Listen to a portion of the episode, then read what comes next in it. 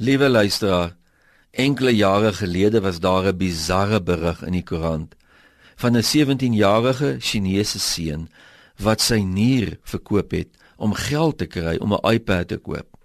Miskien illustreer hierdie berig heel goed hoe behep ons wêreld met besittings geword het.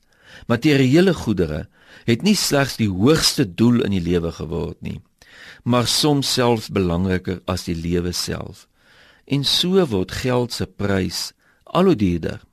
As jy voel dat jou lewe leeg is, moet jy vir een oomblik dink dat jy daardie leemte met materiële dinge sal kan vul om weer betekenis in jou lewe te gee nie.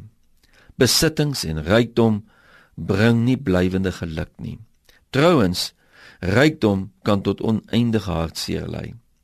Wanneer jy daardie leemte in jou lewe met besittings probeer vul, sal jy agterkom dat dit is soos om 'n sif met sand te vul. Dit hou vir so rukkie, maar die sand begin geleidelik deur die sif val. En kort voor lank is die sif net soos jou lewe weer doleeg. Iemand het dit eendag so mooi gestel toe hy gesê het dat te veel mense spandeer geld wat hulle nie het nie om dinge te koop wat hulle nie wil hê nie waarmee hulle mense van wie hulle nie hou nie wil beïndruk. Jesus het ons gewaarsku en gesê: "Pas op en wees op julle hoede vir elke vorm van gierigheid, want 'n mens se lewe is nie afhanklik van die oorvloed van sy besittings nie." Daarna het Jesus self ook 'n gelykenis vertel van 'n man wie se hoogste doel was om net nog meer te besit. Hierdie man het sy skure nog groter gebou om sy graan en ander goed daarin op te gaar. Maar voordat hy dit alles kon geniet, het hy gesterf. Toe waarsku Jesus en sê: "So gaan dit met hom wat vir homself skatte vergader en nie ryk is by God nie." Ja, daar's baie ander moontlike rykdomme.